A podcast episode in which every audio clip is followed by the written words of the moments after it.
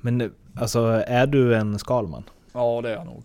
Okej. Eh, Ja, det är jag. Eh, Nej men det är liksom... Det är inte så roligt liv alla gånger. Eh, Nej men vara i gymmet efter och liksom veta att man behöver stretcha den här halvtimmen. Det är inte skitkul alla gånger men man vet att man, det är match imorgon och man behöver det, man mår bra av det. Och sen en fredagkväll när det är match, en lördag kanske man vill äta något gott men man vet att det är liksom den här kycklingfilén som gäller för att, eh, för att man presterar bäst på det. det. Man får ju prioritera och offra vissa saker. Så är det.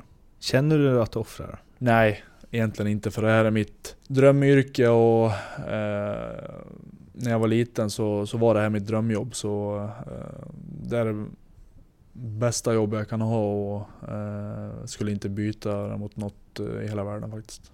Nej, men någon, eh, snart är eh, råttet mogat alltså. Lägger på blå för loppen, kommer skjuta, fintar skott, spelar pucken höger istället, Davidsson skjuter, man lever över returen! Skottläge kommer där! Kan jag få låna micken? I mål! Missar! Hur skjuter karln? Hur skjuter han? Jag kan bara säga att det där är inget skott faktiskt Lasse. Det där är någonting annat. Det där är liksom, han skickar på den där pucken så jag nästan tycker synd om pucken. Den grinar när han drar till den. Utan Fröbo var målvakt! Kan jag få låna micken? Kolla! Poff! En allvarligt talat Leif Boork håller på med hockey i 600 år! Kan jag få låna micken? SHL-podden från Betsson är detta. Det är ett SHL-podden möteravsnitt där jag, Mårten Bergman, träffar en spelare som jag pratar lite längre med. Spelaren i det här avsnittet är ingen mindre än Malmös Fredrik Händemark. Vad vi snackar om, det kan ni läsa i beskrivningen till den här podden och mig når ni på att Martin Bergman på Twitter och det går också bra med att SHL-podden på samma medium. Ni kan också mejla till solpodd.gmail.com.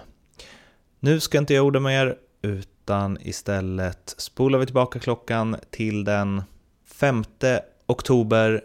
Fredrik Händemark. Mycket nöje. Assistkungen har du ju gått och blivit.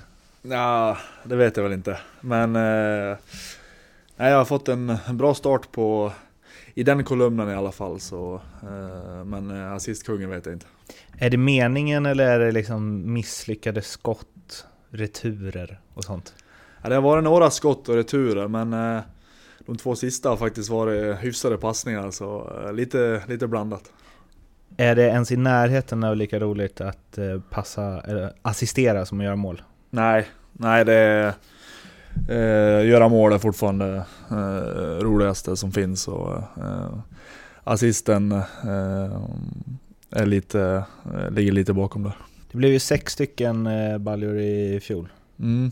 Inte helt nöjd med det va? Nej, nej jag vill fler.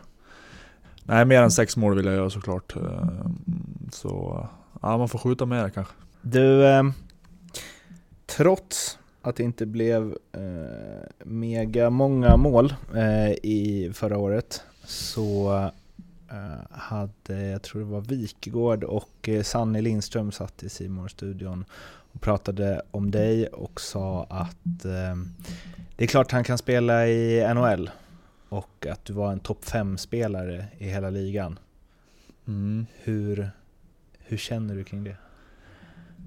Ja, det är väl kul att höra sådana ord är det väl. Eh, Men eh, tydligen så tyckte inte NHL-lagen att jag var redo att- spela i NHL. Eh, Så förhoppningsvis kan jag göra en ännu bättre säsong i år och, och få något mer konkret kontraktsförslag och så man får Får i alla fall chansen att visa upp sig borta där, det hade varit kul. Det, aldrig spelat på liten rink och sådär och eh, det är ju min stora dröm så eh, eh, Nej, jag får göra en bra säsong här i Malmö och sen får se vad det tar vägen. Vi- Jag gjorde en intervju med dig för precis när du skrev nytt kontrakt här. Det måste ju varit våren... Ja, men det var i alla fall efter... Jag tror att det var efter din genombrottssäsong här. Ja, det kan stämma. Så 17-18 där någonstans. Och jag vet att vi pratade om det då. Jag följde ju dig i Leksand. Alla som lyssnar på den här podden, eller många, vet ju att jag håller på Leksand. Och där var det ju... Där var du inte alls den spelaren. eh, som du är nu. Har det gått fort eller känner du, alltså när kände du att så här, ah, jag är en första center i SHL? Jag vet inte om jag tänker så någon gång utan eh, liksom jag bara spelar på och utvecklas och sen har det liksom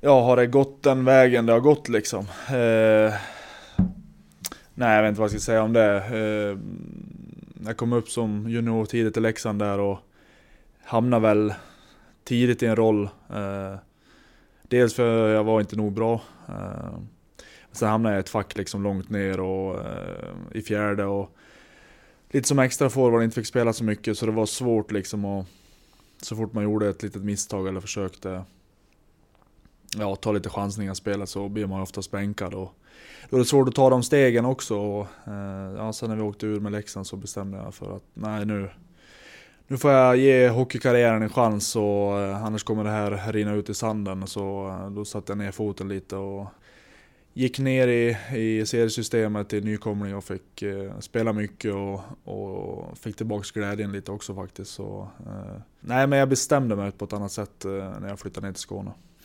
Kände du att det hade kunnat rinna ut annars?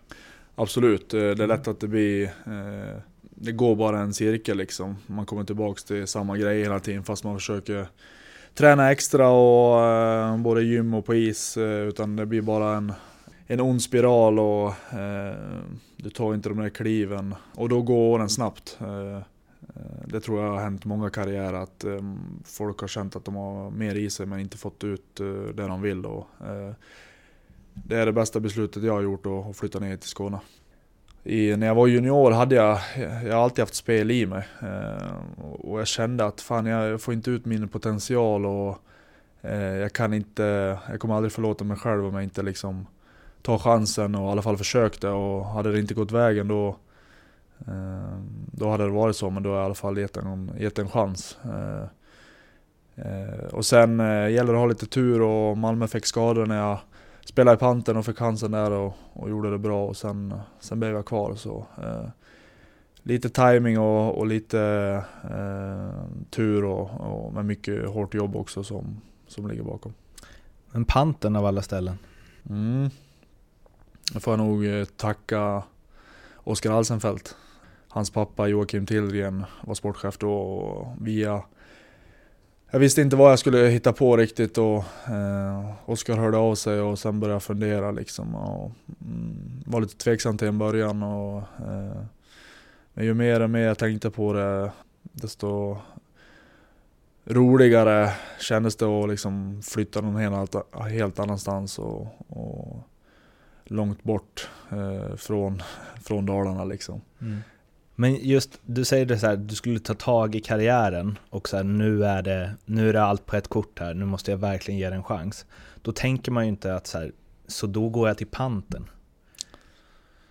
Nej, men eh, det är kanske tur att inte jag tänker som alla andra. men, eh, nej, men, förstå, nej, men jag, jag, tänkte liksom ett steg neråt, två steg upp. Mm. Eh, få, ja helt enkelt liksom speltid. Spelar ingen roll i stort sett vilket lag det var utan eh, Nu var det en nykomling i Allsvenskan och jag visste att jag skulle få spela mycket, både boxplay och powerplay och 5 mot 5 och Viktigaste var speltiden och få liksom matchträning på det viset och, och utveckla. Och sen hade jag ett annat liksom mindset när jag gick in i den säsongen. Eh, nu ska jag försöka ja, utmana mig själv, dribbla, våga slå avgörande passningar. Eh, våga i spelet liksom och, och utveckla mig på det sättet och, och jag tycker jag lyckas bra med det. Du fick spela i Malmö redan första säsongen i Panten. Eh, då gjorde du ju bara tre poäng, det var väl ganska begränsad speltid. Vad hände där under den sommaren som gör att du liksom går in och stänker dit 32 poäng säsongen efter och är en ledande spelare. Faktum är att jag fick, eh, jag fick faktiskt chansen i början, eh, lite powerplay i början i Malmö också, för de hade mycket skador och sånt. Och gjorde poäng, alltså de poäng jag gjorde var i början av de matcherna jag fick där. Eh, Sen gick det lite sämre och blev bortplockad för powerplay och sen eh, blev det lite mer begränsat. Men ja, jag liksom imponerade så pass mycket att jag fick nytt, eh, nytt tvåårskontrakt. Eh, så nu tänkte jag, det här är, det här är min chans. Det är liksom, nu är det aldrig. Så jag tränade jag hade en liksom, inställning till den sommaren att nu ska jag träna sjukt hårt och göra mig förberedd och, och mentalt också liksom bygga upp självförtroende under sommaren och, och sen bara när eh, säsongen drar igång liksom försöka explodera. Bara inte fundera på någonting, bara gå ut och släppa lös och, och spela. Och, eh, jag gjorde ju två mål första, första matchen i premiär mot Frölunda också och sen det, det blev ju en jävla boost liksom såklart och, och sen bara rullade på ganska bra efter dess. För det är ju det där, jag tänker att, eh, eller den har man ju hört några gånger. Och man, jag tänker att det är många spelare som har tänkt precis som du tänkte, att Mm. nu jävlar ska jag träna hårdare än någonsin och jag ska bara gå in och köra här. Och sen blir det ändå så här, ja, 4 plus 7, Mm. tredje. Vad var det som gjorde att du ändå lyckades tror du? Eller så här, var, var två mål i premiären svinviktigt? För resten av säsongen? Jag tänkte inte på det då, men det var nog det. Eh, att jag fick liksom, för jag började ju i fjärde, eh, fjärde kedjan där också och var tänkt till en begränsad roll tror jag. Eh, och fick liksom en riktig självförtroende-boost där och, och spela bättre än eh, liksom fjärde kedjan då. Eh, matchen efter också och sen liksom sakta men säkert jobbade jag mig upp i, i kedjorna och in i powerplay och, och då blir det ju mer möjligheter, då vågar man ta för sig ännu mer och ja, få liksom, eh, ju mer förtroende man får hos tränaren också, ju mer vågar man testa ute på isen och sen liksom, ja sen byggs självförtroende på och sen ehm, rullar det på liksom. Det är små marginaler det där. också. Det är det, men eh, det, man har kämpat länge också i många år och det är skönt att det till slut eh, släpper lite. Det är ju ändå anmärkningsvärt att du gick liksom från att gå ner till en nykomling i Allsvenskan till Tre Kronor debut. På vad blev det? Ett och ett halvt år. Ja, något sånt ja. Mm. Ja det Det är inte jättemånga som har gjort det. nej, det är väl kul såklart. Men hängde du, tänkte du något där? Att bara shit, vad händer? Landslagströjan? Wow. Nej just då, när jag fick det samtalet var det som chock bara för jag var så inne i säsongen med Malmö och eh, det gick bra och, men jag tänkte Det var liksom det sista jag tänkte på. Det var full fokus på Malmö och ja, jag börjar bra här, det går bra liksom kände jag och nu ska jag bara bygga vidare och sen eh, Jag ringde Grönborg där och det var ju Inget man hade tänkt på så nej det var ju sjukt kul såklart och allt slit man har lagt ner eh, lönar sig till slut. Och sen ringde jag morsan och farsan direkt och berättade för dem och Eh, de skrek nog lite mer än vad jag gjorde. Så nej, då fick man lite rysningar faktiskt. Det var eh, en stor dröm som gick i uppfyllelse där. Där vi eh, var och nosade lite på för 10 minuter sedan med NHL där. För att i det snacket som Sanni och Wikegård hade där så sa de, jag tror det var Sanni som sa att under, var det någon landslagsturnering, så sa han att eh, han hade träffat scouter från NHL som varit där och kollat på Linus Johansson och på dig och att de letade centrar som för en med NHL-mått mätt billig peng också kan spela liksom tredje, fjärde kedja där borta. Och utifrån det att resonemanget var så här, men det skulle du absolut klara av och det borde du passa som där. Eh, förstår du än de NHL-scouternas resonemang i alla fall? Ja, absolut. Eh, får jag, skulle jag få chansen att åka över, då vet jag eh, förmodligen vilken roll som de ser mig i och vad jag kommer få. Eh, alltså åker jag över för att ta en plats i NHL, då kan jag vara materialare eller håller på att säga. Målvakt eller vad som helst, bara jag får en plats i laget så det är världens bästa liga och det är en dröm att spela där så eh, det spelar ingen roll vart jag spelar, håller på säga. Det låter lite som att du skulle välja en tiondel av lönen att spela i NHL kontra, ja som sagt, tio gånger mer att spela i KL. Ja, men just nu i det här skedet eh, tror jag att jag skulle göra för eh, så, eh, som jag sa i tidigare intervjun att liksom Jag hade nog ångrat mig eh, om jag lagt av, om jag aldrig tog chansen, om jag fick den och åka över och testa och slå mig in i NHL. Så får jag chansen kommer jag förmodligen göra det. Men det sitter jag här och säger nu. Eh, det kan hända mycket, eh, mycket innan det och eh, man vet aldrig hur det ser ut framöver men skulle chansen dyka upp skulle det vara sjukt svårt att säga nej tror jag. Jag tänker att det är lite så här eh, hockeybilds drömmen eller så NHLs tv-spelen, att det var så här, det var så stort då, det gick inte på alla kanaler, det var liksom, alltså det mm. fanns någonting i det. Jag kommer Viktor Fast berätta när han gjorde sin NHL-debut. Han slog i och för sig igenom när han var typ 28 eller något mm. i Sverige. Men han sa att, här, att stå där med så här Anaheims tröja på sig under nationalsången, att det var så här en helt surrealistisk upplevelse, även om man hade spelat landslag och liksom mm. varit toppmålvakt här. Att det blir verkligen att drömmen slår in liksom. ja. Är det det du ser framför dig också? När du tänker på NHL liksom? Ja, eh, alltså NHL har varit en del av hela min uppväxt. Eh, har som du sa i form av tv-spel och hockeykort och följde mycket eh, Stanley Cup-slutspelet när jag var mindre och eh, var uppe lite på nätterna och eh, såg eh, mitt favoritlag Detroit då som var riktigt bra med, med några av mina favoritspelare. Så eh, nej, jag har liksom följt NHL ända sedan jag var liten och, och eh, nej, det hade varit sjukt, eh, sjukt kul att få uppleva det. De är ju riktigt dåliga nu. Ja, de har vänt. Det här var väl en, för en tio år sedan när de vann 2008 där. Jag följde dem slaviskt. Mm och var uppe och såg dem hela, gå hela vägen. Eh, så, mm, men nu, nu har det vänt. Ser du dem något nu?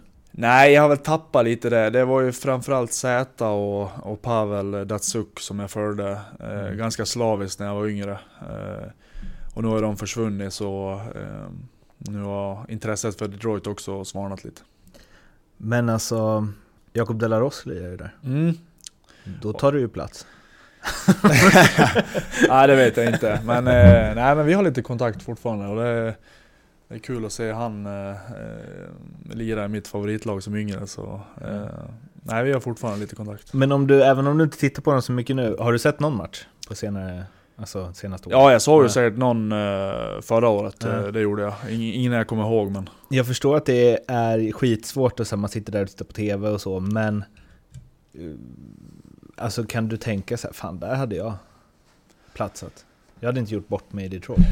Eh, det är så svårt att säga för eh, jag har ju aldrig upplevt liten rink. Mm. Man vet aldrig vad som väntar riktigt då. Man kan, det är lätt att sätt, äh, sitta framför TVn och, och titta och, och säga nej men fan det där går inte så fort eller de där är inte så skickliga. Men sen hade man suttit nära plexit och sett matchen live så går det sjukt fort eh, kan jag tänka mig. Och, så det är svårt att säga. Det, det tar nog en stund att komma in i det där med liten rink. Och, men det hade varit som sagt kul, och, kul att testa.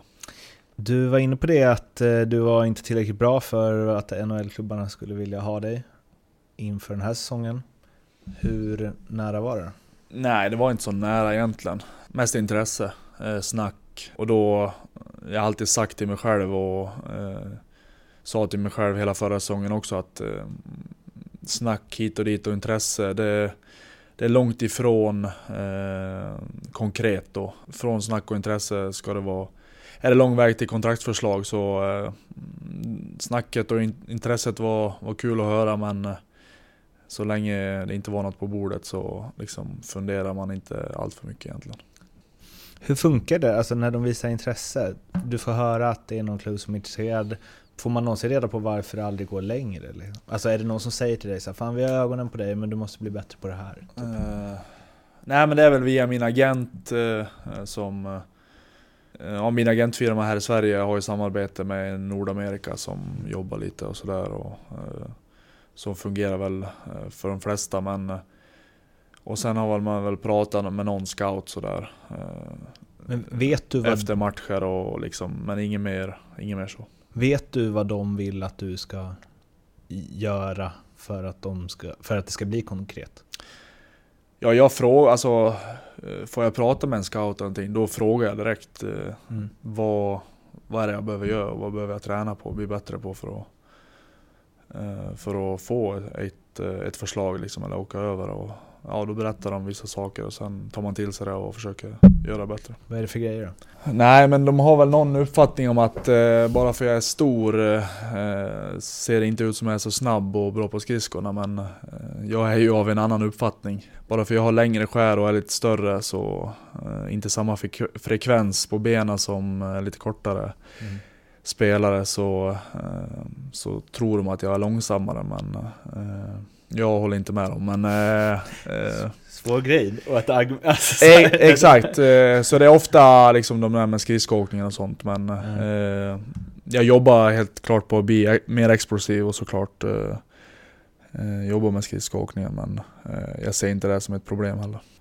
Under tiden du har varit i Malmö så har ju Malmö överraskat, överpresterat, skrällt i slutspel men också gått från eh, i alla fall vad det står i tidningar och vad eh, herr Sylvegård har sagt att det liksom måste sparas lite pengar och man har inte råd att värva Andy Milis och sånt längre i samma utsträckning. Det har blivit ett mer budgetlag. Hur har den resan varit och var är ni nu? Ja men från, från första året jag kom upp då eh, var väl tanken att de skulle värva lite, nej men lite större namn och sådär och det gjorde de då.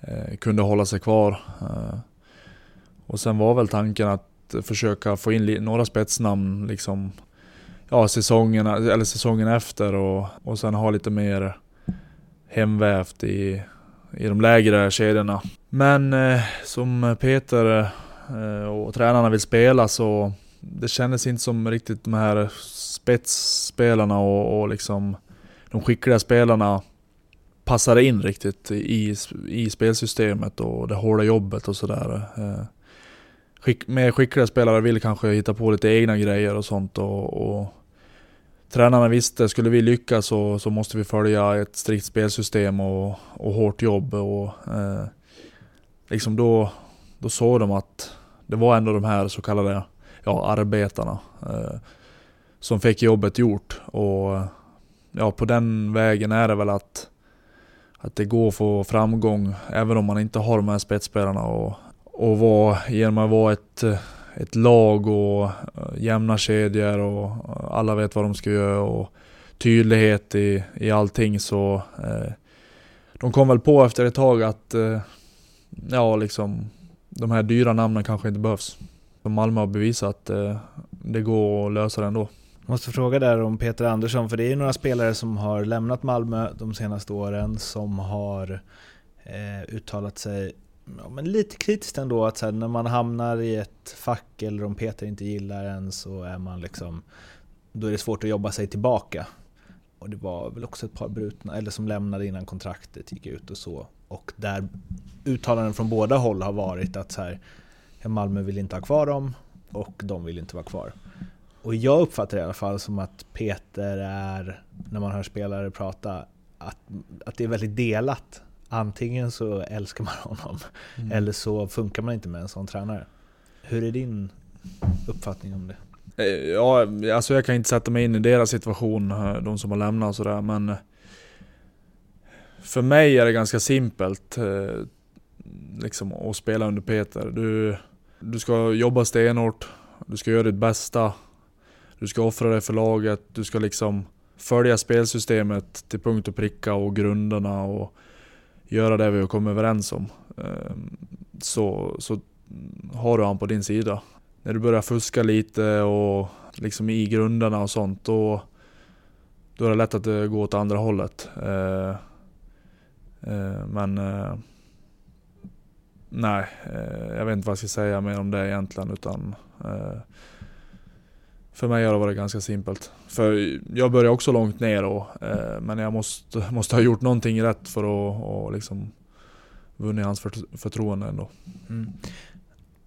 Det där att det är en del spelare här som har blommat ut på det sättet, som kanske inte fått det förtroendet i klubbar innan. Jag tänker också på um, Bryggman, eh, Olofsson och så. Um, gör det något med en grupp sen? Alltså, alltså så här, gör det något att du ändå, att ni har några stycken som har så varit fjärdekedjaspelare som kanske inte fått chansen och nu när ni är inom citationstecken på toppen så kan, alltså jag tänker att man har en annan ödmjukhet eller att man vet vad de som lirar fjärdekedjan nu kämpar med. Typ. Jo, men, men det tror jag. Det finns en liten fördel. Eh, för vi är ändå... I grunden är vi ändå liksom hockeyarbetare och eh, vi har liksom alltid jobbat hårt och eh, exakt vet exakt vad de som spelar i fjärde kedjan nu går igenom och, eh, och även de som är lite längre ner ser vad vi har gjort också. Mm. De som du nämner här nu. Att, att det, det går att göra. Och jag tror ändå att tränarna vill ha, eh, de som är lite högre upp i laget, att, att de, alla måste jobba hårt. Det, det, spelar ingen roll. Och vi har det i grunden och, och eh, därför, därför går det liksom bra för laget. För, för det spelar ingen roll vem du är, du måste följa det vi har kommit överens om och, och jobba hårt. Det, så är det. Du, vi ska gå till eh, andra delen med eh, de frågor som jag ställer till eh, alla. Ja. Förutom Foppa, Sudden och Lidas, Sveriges bästa spelare genom tiderna? Ja, det finns ju äldre gardet, men eh, de har inte jag så bra koll på. Men jag har ju följt Henrik Zetterberg eh, när jag var yngre där och, och, när jag följde Detroit, så jag, jag får säga han. Förutom Gretzky och Lemieux, världens bästa genom tiderna? Nej men jag får säga Sidney Crosby ändå. Alltså, han har vunnit allt, eh, höll jag på att säga, och varit dominerande i hela sin karriär. Så nej, jag får säga han. Om det hade funnits en tidsmaskin och du hade kunnat åka tillbaka till 1990, så bra som du är idag, tror du hade tagit plats i första femman i alla NHL-lag då? Oh. Nej, kanske inte med dagens utrustning också. ja, den är ju klurig. Ja. Men, ja, jo, det blir det väl på sätt och vis. Ja, nej, inte alla, men eh, en del har jag nog eh, med dagens skridskor och, och dagens klubba kanske. Mm. Eh, det är mycket hakningar där också då. Ja, i och för sig, men då får jag utnyttja min, min storlek och, och vara mm. jävligt tillbaka liksom. Dina långa skär. Förhoppningsvis hade man eh, kanske kunnat spela någon. Nej, det är så sjukt svårt att säga. Nej, jag vet faktiskt inte. Uh, om du får tänka helt fritt, vilken regeländring, hur galen den än må vara, hade du velat uh, testa en match inom hockeyn? Tackla målvakten, jag vet inte. de, får, de får ju tackla utespelarna, jag har lust att tackla dem ibland när de utstoppar pucken och sånt. Men, men får, det, är, det, är lite farligt kanske. Eh, får de tackla utespelarna? Jag tror det. Uh -huh. Ja, jag har sett uh, klipp på målvakter som uh, sätter, sätter åt utspelare och det händer ingenting. Det, det blir bara jubel då. Så, uh, nej men det blir väl lite för farligt men ja, det hade varit kul att tackla någon målvakt. Den bästa spelaren som du har spelat med? Ja, han alltså... Jag måste säga, alltså Filip Forsberg var inte så bra som han är nu såklart, men vad han har blivit och vad man såg, den potentialen man såg och vad han skulle bli så, eh, och var så nära han och se vilken, vilket skott och vilken målskytt han var så, nej jag får säga han ändå. Fast han var så pass ung. Var det en eh, no-brainer att han skulle bli NHL-stjärna? Ja, det såg man tidigt och han eh, gick sin egen väg och gjorde sin grej och inte brydde sig om eh, vad någon sa till honom utan eh, det här kommer ge mig framgång eh, och tänkte han liksom och då körde han på. Gick sin egen väg och det har jag stor respekt för. Jag får mig att du berättade det någon gång, att så här, när tränarna sa åt en, äh, dribbla inte så mycket. Så bara fortsatte han dribbla. Ja precis. Eh, jag tror det var senaste gången vi snackade till och med ja. att eh, jag önskar att jag var lite mer som han när jag var yngre. Mm. Som du sa att ja, men dribbla inte det på blå, utan han, eh, han gjorde tre byten till eh, och det fjärde lyckas han liksom. Han, han gav sig inte, oavsett vad någon sa till honom. Eh, och en annan hade ju liksom dumpat pucken då, för att vara rädd att bli bänkad eller något. Men han gick sin egen väg och, och gjorde precis liksom, som han ville och ja, det går ju rätt bra för honom nu. Vad tror du det, för du var ändå nära honom då liksom? Eh, ni spelar i samma kedja Mm, också? ja, eh, ett tag där spelade vi samma. Vad var det som gjorde att, så här, att du inte bara 'Fan han gör det, jag kan också göra det' Jag vet faktiskt inte. Han hade en liten annan spelartyp. Alltså, jag har ju alltid varit den här liksom ansvarsfulla centern också. Och, eh, har någon eh, stuckit fram då har jag täckt, eh, täckt upp för honom. Och han var mer offensivt eh, framåt, framåt hela tiden och skulle göra mål och tänkte inte så mycket bakåt. Mm. Det kanske också hade en anledning. Eh, var en anledning till det. Men, eh, nej, men sen tror jag han var, han blev lite starkare mentalt, snabbare. Eh, och bestämde sig tidigt att jag ska gå min egen väg och det, här, det här ska jag göra för att lyckas och då skiter jag i vad alla andra tycker och säger. Den bästa spelare som du mött? Anse Kopitar i Mora. Hur var det? Ja, det var svårt. eh, alltså, jag tekade mot han kommer jag ihåg. Eh, man hade inte en chans liksom. Jag var, jag vet inte om jag var junior eller jag var ung i alla fall. Alltså vilken pondus och eh, stenhård. Alltså det var som ett, ett granitblock att köra in i. Han bara Närkampen han fällde han ut sin bom till arm och, och sen var det stopp liksom. Eh, han hade allt. Åkning, eh, liksom teknik, eh, skott, vilket spelsinne och, och sen den fysiken. Och, nej, han är liksom en av de komplettaste vi har i hockeyn idag också. Det, det var kul att liksom få känna på han då. Eh, kanske när han var i, i sin prime också.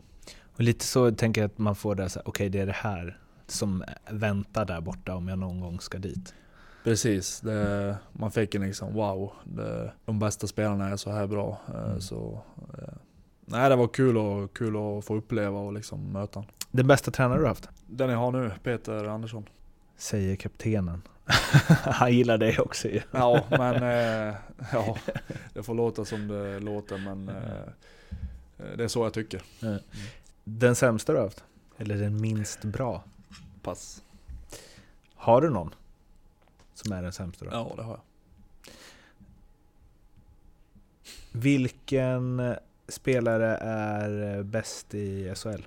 Nej, men jag tycker ändå eh, Jocke Lindström är bäst. En spelare i SHL som du gillar att möta? Mm, Joel Lundqvist. Mhm. Mm. Berätta.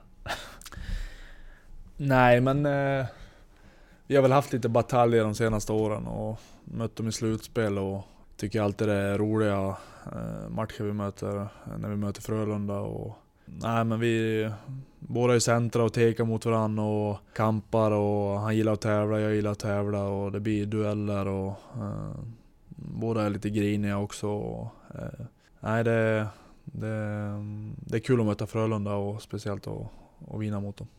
För det där, han och Jim Eriksson har ju haft eh, sin grej som uppmärksammat liksom.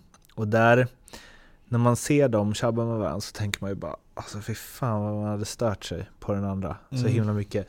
Men så verkar det också som att de respekterar varandra. Ja. Typ som att så här, du är lika jobbig som jag. Mm. Känner man så? Ja, alltså det... är- Jag har ju mycket respekt för han. Mm. Eh, Men alltså det är en, en grej på isen och en grej utanför. Eh, På isen är det liksom, då är det allt för att vinna i stort sett. Eh, Då bryr man sig inte så mycket. Men jag har respekt för vad han har liksom... Han är en vinnare, han har vunnit mycket och vad han har åstadkommit och haft en lång karriär och... eh, Men när, vi, när jag möter han så gör jag nästan vad som helst för att vinna. Men kan man vara hur jobbig som helst mot varandra på isen och sen när matchen är slut kan man ändå liksom tycka att det är en ah, helt okej person? Ja, eh, bara det inte går över gränsen. Man säger något eh, som är över gränsen eller gör något Gör någon ful grej riktigt över gränsen, då, då hänger det nog kvar. Men så länge det är fair och hårt och alltså, hyfsat schysst så tror jag man kan ha den respekten när matchen är över. Då, en kamp på isen och sen när matchen är klar då, eh, då är det något helt annat. Då, då liksom kan man släppa det och ha respekt för varandra. Men så länge det inte händer något över gränsen så tror jag man kan ha det. Händer det? Över gränsen grejer? Ja, det händer absolut. Ofta? Eller hur ofta? Eh, inte ofta skulle jag säga. Inte, inte runt eh, liksom vad jag hör och sådär. Men det, visst har det hänt saker man har reagerat på sådär och, och fula saker som händer, eh, som man gör också. Och som vissa säger, så det, det är klart eh, det händer. Vad är över gränsen då? Där? För att det är här, det är intressant för det är många som säger bara nej, nej det är... Nej men Det prata om någon- familj och eh, sådana där saker tycker jag, eh, det kan man låta vara. Eh, och sen liksom, det finns ju jättefula grejer man kan göra mot varandra också. Mm. Eh, Alltså skada. ja precis, alltså Mm. verkligen gå, gå in för att skada. Händer det? Eh, Det tror jag absolut. Vissa kan tappa det liksom. Mm. De är så...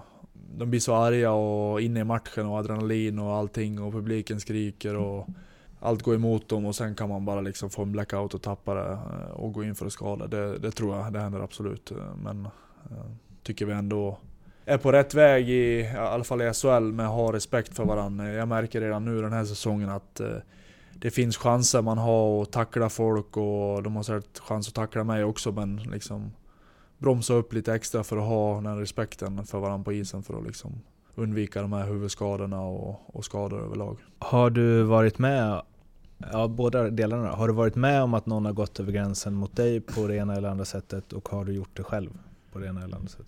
Jag snackar inte så mycket på isen. Eh, Nähä, det tyckte man, eller med domarna? Ja med domaren, men det är en, det är en annan sak. Okej. Eh, för jag är kapten och måste eh, ha synpunkter och, åsikter. Måste, måste man det? Ja men det är ett litet mind game det också under matcher och med domaren, men det är en helt annan sak. Men vi kommer dit. jag är ingen stor trashtalkare med spelare på isen. Ehm, så jag har varken sagt någonting eller inte fått eh, höra så mycket heller till mig själv och då eh, får man höra något så skrattar man mest. Eh, det är inget man lägger stor vikt vid. Och nej, skada någon liksom har jag inte heller gjort utan ibland har det blivit fel. Jag vill spela fysiskt och hårt men och ibland har det blivit fel och eh, som avstängningen förra året eh, till exempel. Det var ingen mening att skada såklart men ibland blir det fel men aldrig, aldrig avsiktligt. Det här med domarna, eh, nu kommer vi ändå in på det. Pratar du med dem, säger du, eller är du, du sa att det är ett mind game. Är du där och snackar ibland fast du vet att de har rätt? Ja, eller man måste liksom... Är, är det andra laget där med sin kapten, då måste man vara där direkt. Okej. För, även om man inte har någonting att säga. Bara...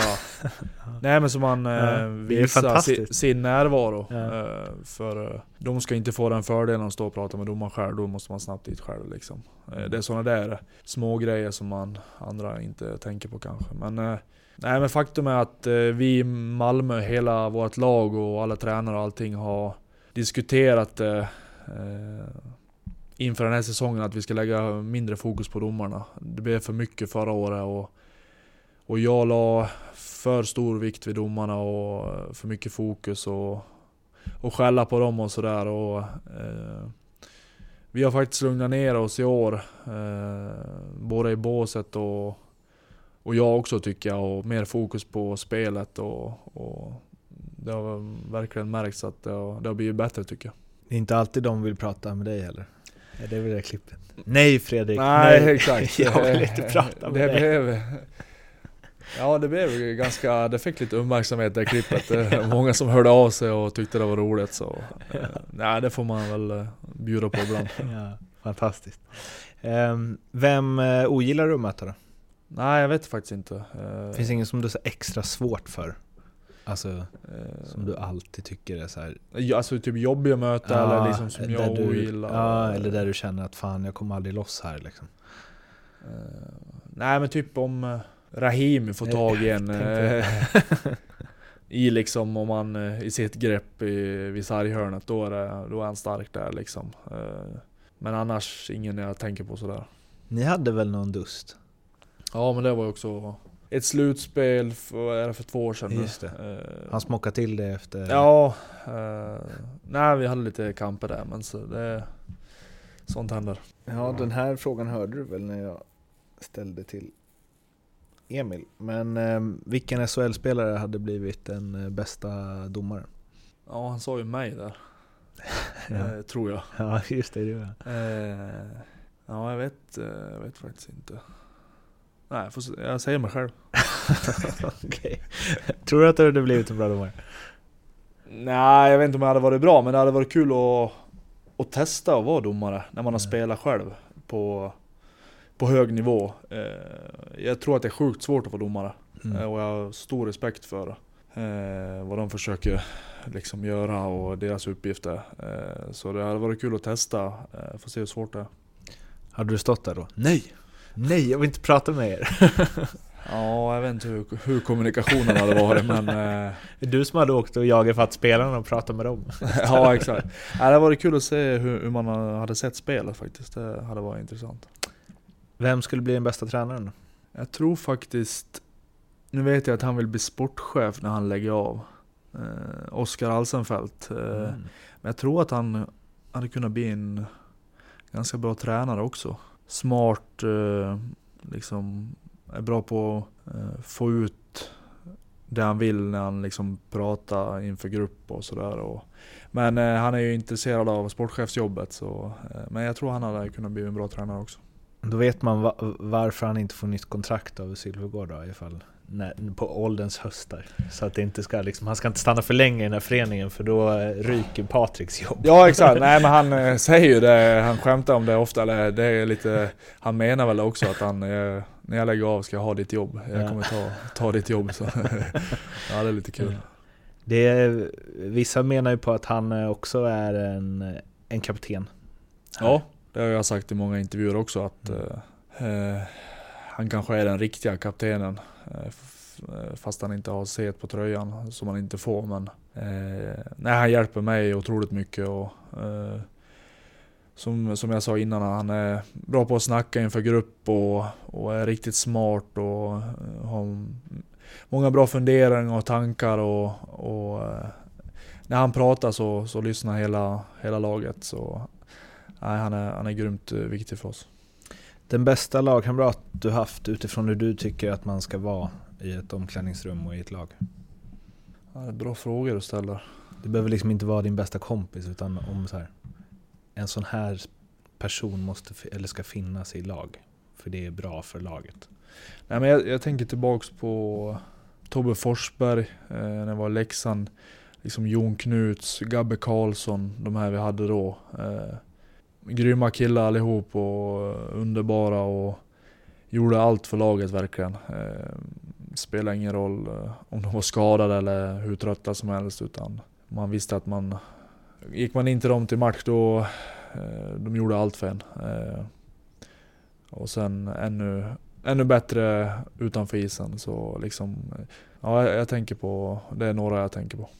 Har du någonsin blivit starstruck inom hockeyn?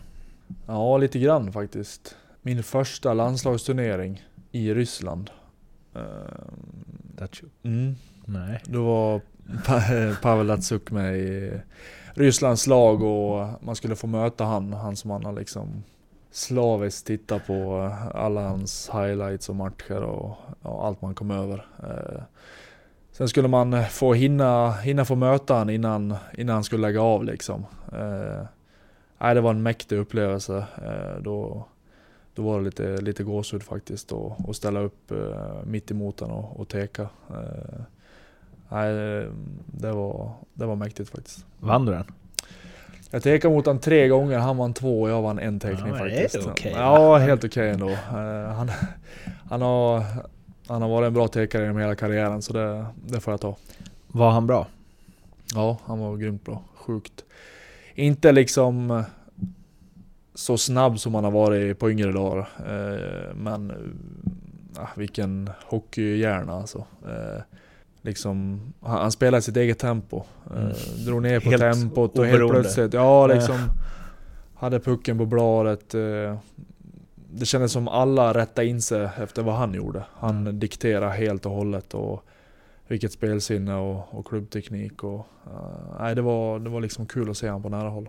Hur var, ville du gå in och liksom bara sätta han i plexit där? Eller, eller det kanske inte går med en sån spelare? Nej, alltså det är klart man vill det. Ja. Eh, men eh, sådana spelare har ju ögon i nacken liksom. Det känns som de är så luriga och, och slinker undan allt. Så det var svårt. Tänk på en grej, i fotboll så byter man ju tröjor efter matchen. Mm. Eh, I alla fall liksom stora matcher, Champions League och så. Mm. Eh, det finns ju inget motsvarande i hockey. Liksom. Alltså för det, det, den storyn har man ändå fått av en del fotbollsspelare när de har mött sina idoler eller spelare Ja. som de tycker är ballt att möta. Men vad, det finns inget sånt i hockey? Att du så här, Nej, det knatar blir ju över och ber mer... om hjälmen eller något? Nej, exakt. Det, det blir mest att man tackar och sen åker ju lagen ut i, i stort sett direkt. I, Mm. På fotbollsplanen liksom går de en och en och hänger kvar lite Mm. på planen, så det blir ju en annan sak. Men nej, alltså det hade ju varit... Hade man tänkt på det då eh, och liksom kunna, när man hade tackat han och frågat då hade det ju varit en möjlighet men eh, nej, det var inget jag tänkte på då. Han såg ganska, vi vann den matchen också så han såg Ja. ganska, ganska less ut. Okej. Ehm, vilken eh, idrottare från någon annan sport är du mest imponerad av? Mm, Ja, det finns två. Ehm, Tom Brady, quarterback i Patriots och Roger Federer. Och kunna spela på den nivån de har gjort så pass länge eh, är sjukt imponerande tycker jag. Eh, eh, nej, de har liksom i världstoppen i ja, nästan 20 år eller vad de har varit. Eh, det är sjukt imponerande. Vilken eh, egenskap som hockeyspelare är din bästa? Eh, att jag är allround tycker jag. Kan spela alla situationer eh, tycker jag. Och, och göra det bra. Eh, Vilken egenskap måste du jobba mest med? mitt skott blir liksom en giftigare avslutare eh, när jag får, får bra lägen i slottet. Eh, jag tycker jag tar mig till mycket lägen och sånt men sen väl när det ska liksom avgöras och jag ska skjuta pucken i mål så eh, har jag inte tyckt att mitt skott eh, har varit tillräckligt bra så eh, jag försöker jobba på det. Hur bra är du nu mot vad du tror och tänker att du har kapacitet till att bli? Nej, jag tror att jag kan bli bättre för varje år som går. Eh, men jag börjar känna att eh, jag är liksom på rätt väg. Jag har mycket, mycket kvar. Jag tror att man kan liksom utvecklas hela sin karriär tills man lägger av. Så det, det finns liksom... Man når nästan aldrig taket, eh, utan det finns grejer hela tiden man kan förbättra. Men, men jag tycker liksom ta små steg för varje år som går nu och, och bli bättre hela tiden. På tal om det då, att um, hur NHL-scouter ser på dig och att du vet att det är kanske den rollen de tänker på dig i och att du hade gjort vad fan som helst för att spela där borta. Om du kommer i närheten, eller nära, ditt tak, tror du att du kan vara en liksom första, andra center i NHL också? Om stjärnorna står rätt. Uh, Nej, realistiskt så tror jag det blir uh, svårt.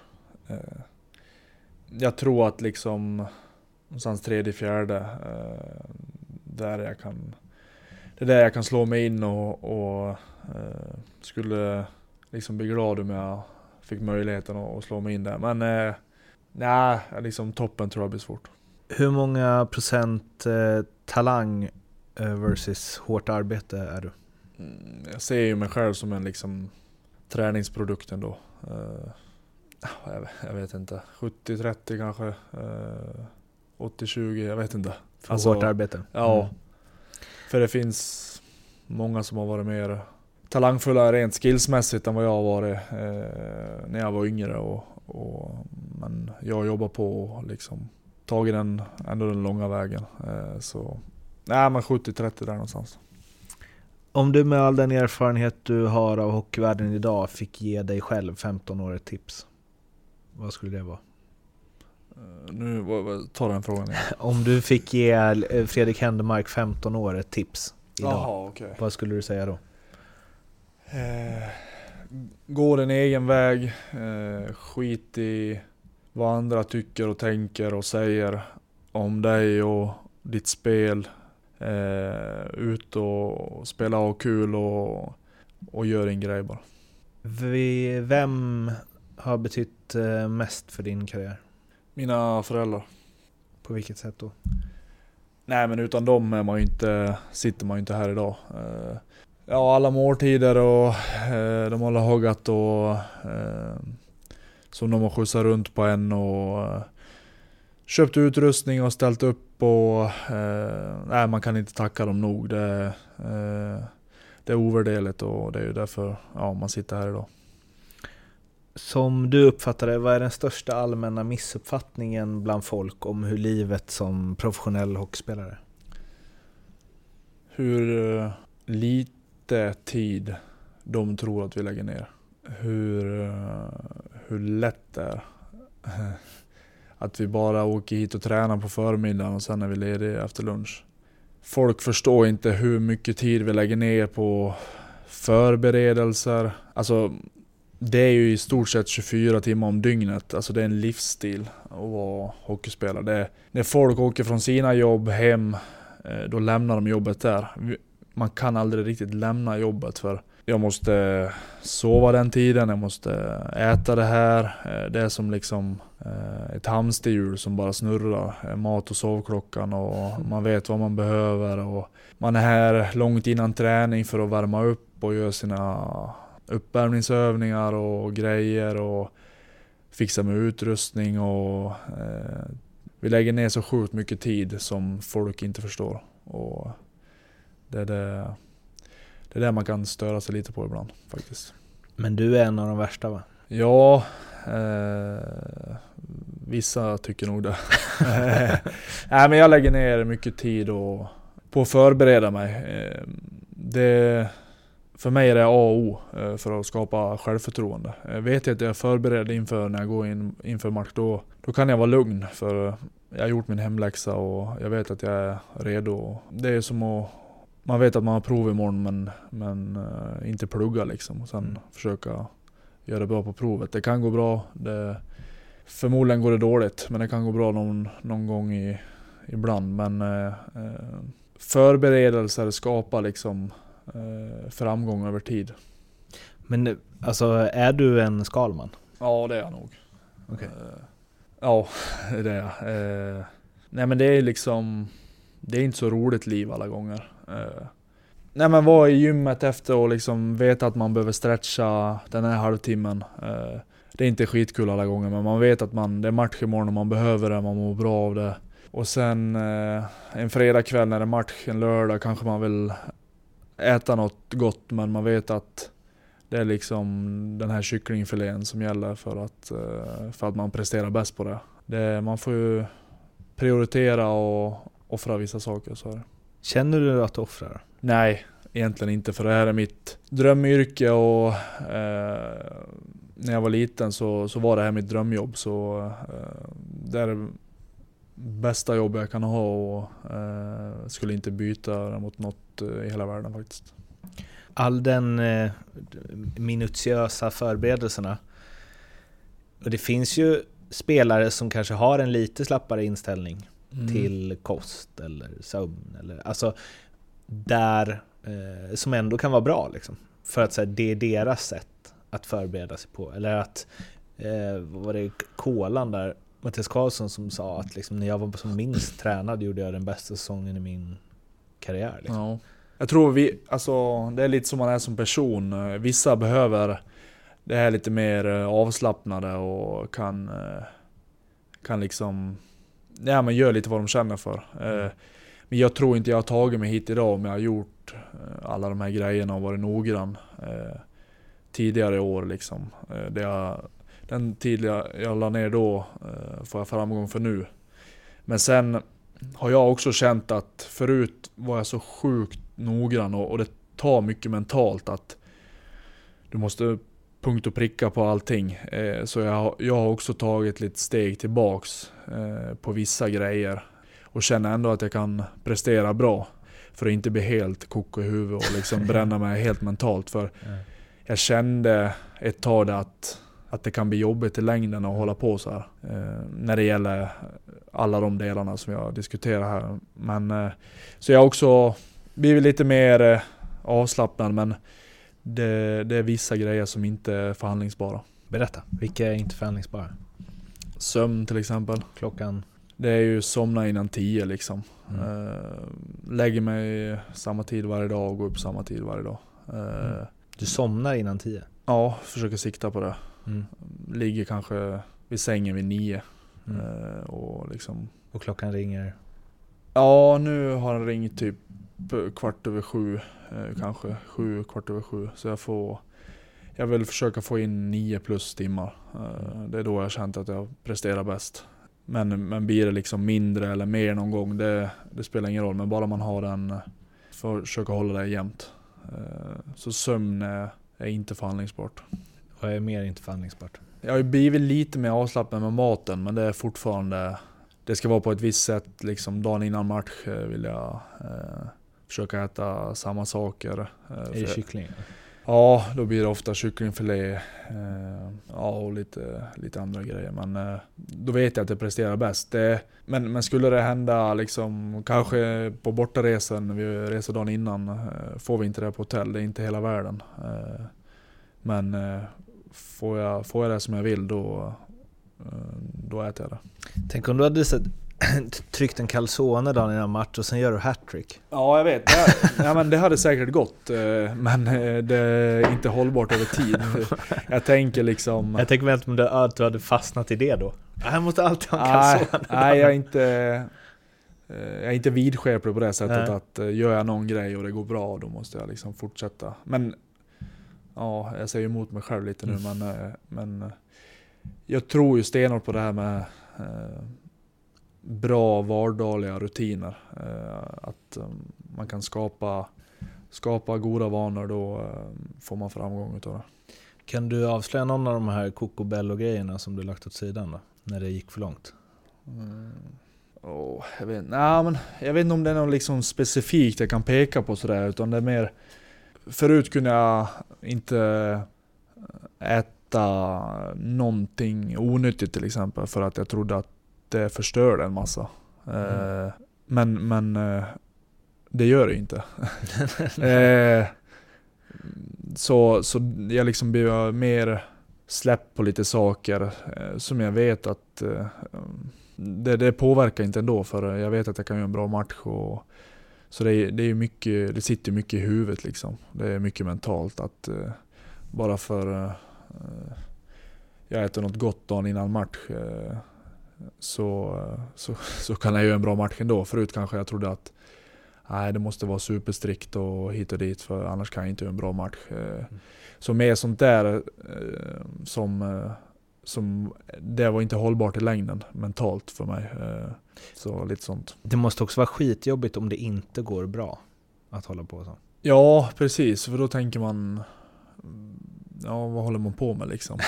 det, jag gör allt det här men, men det, det hjälper inte ändå. Så var det lite innan jag fick liksom mitt genombrott. Eh, Fan jag tycker jag gör alla saker rätt och hit och dit och eh, Men det släpper aldrig, det släpper aldrig. Vad, vad är det som händer? Och sen tror jag ändå att eh, all den tid man la ner med olika saker då eh, hjälpte en när det, när det väl eh, ja, släppte för en liksom. Din eh, största framgång inom hockeyn? Ja, det var ju sjukt eh, mäktigt att gå upp med Leksand faktiskt. Eh, sista matchen mot Rögle där på påskafton. Eh, nej, det, var, det var en mäktig upplevelse. Det, det jublet är ju bland det konstigare man sett alltså. Att allt bara, slu- de bara slutar spela med 30 sekunder kvar. Ja, jag, vet, jag tror det var så längre tid också. Det Ja. kändes som... Eh, ja, exakt. En minut var det nog. Jaha. Eh, Och eh, alla slutade spela och... eh, jag har aldrig hört sånt tryck och så mycket folk de packade in i den arenan den dagen. Det var... Nej, det var sinnessjukt faktiskt. Största misslyckande? Ja, det var... Då vände vi på det då. Åka Mm. ur med Leksand. Det var det tuffaste jag gått igenom mentalt. eh, Och tråkigaste i livet. Det var liksom...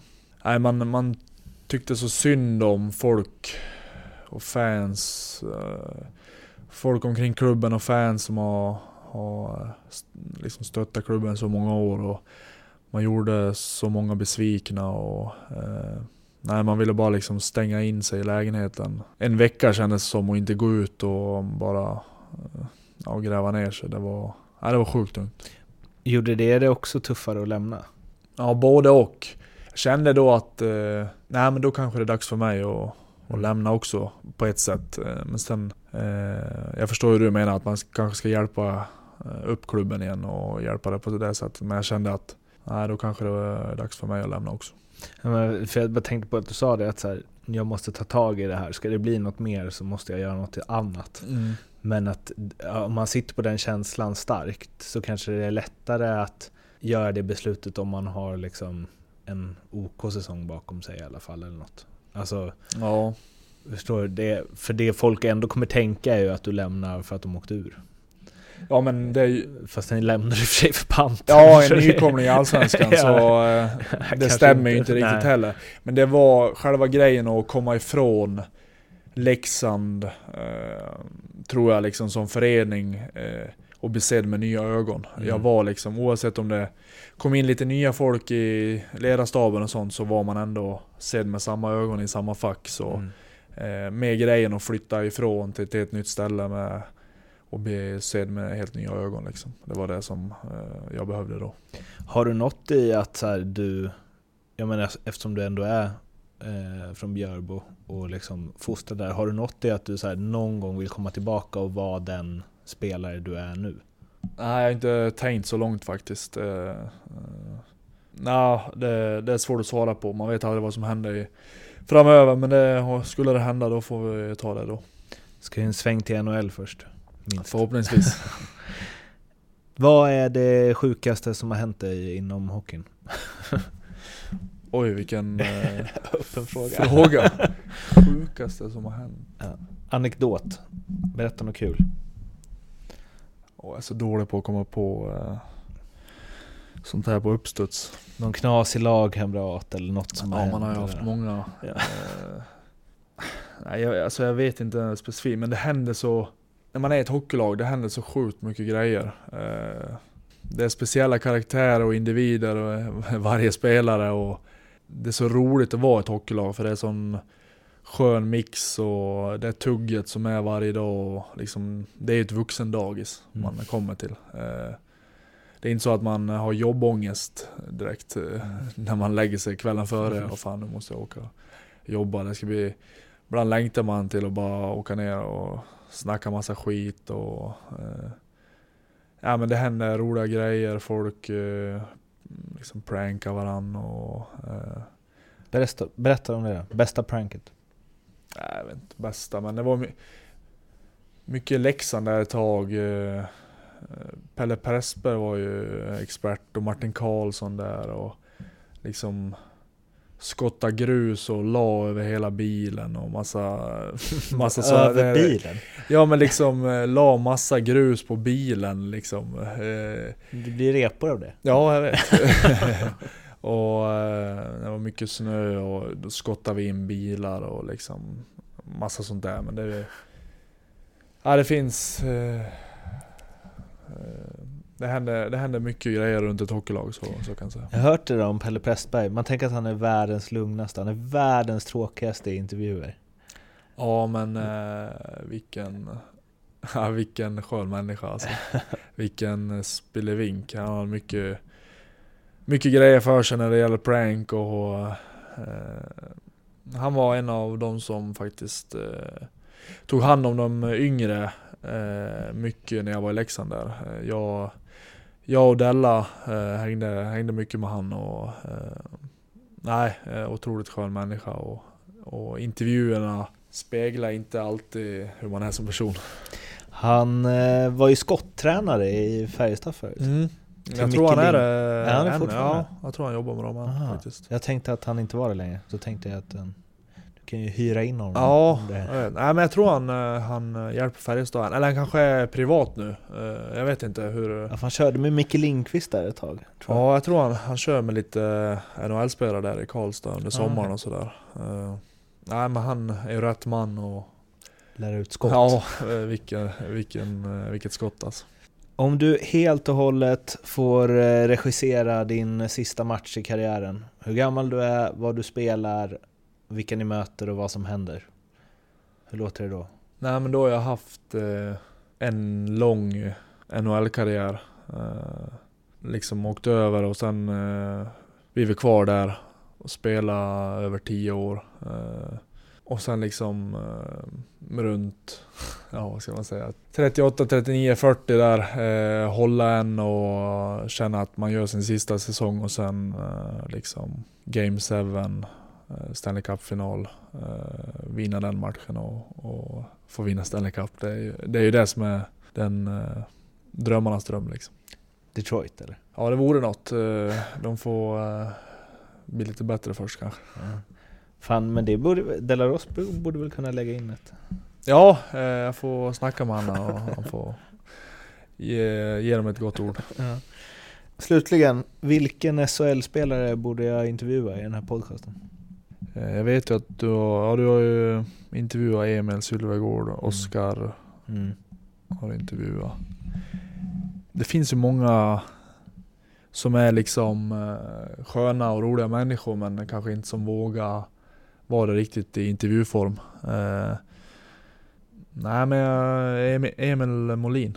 Mhm. Det finns grejer där eller? Ja, men jag tycker han... eh, Eller Carl-Johan Lerby också. Mhm. Mm. Ja, någon av de två kanske. De är ja, sjukt uh, härliga och liksom eh, roliga, eh, roliga karaktärer. De har mycket, mycket för sig som, som folk kanske inte tror. Eh, men eh, sen vet man aldrig hur de är i intervjuform, om de liksom vågar, vågar släppa lös. Du, eh, du ska få dra hem och sova nu. Mm. Nej då, det är lugnt. Det, nu är det för sent på eftermiddagen. Okej. Eh, Tusen tack för att du ville vara med. Tack, tack.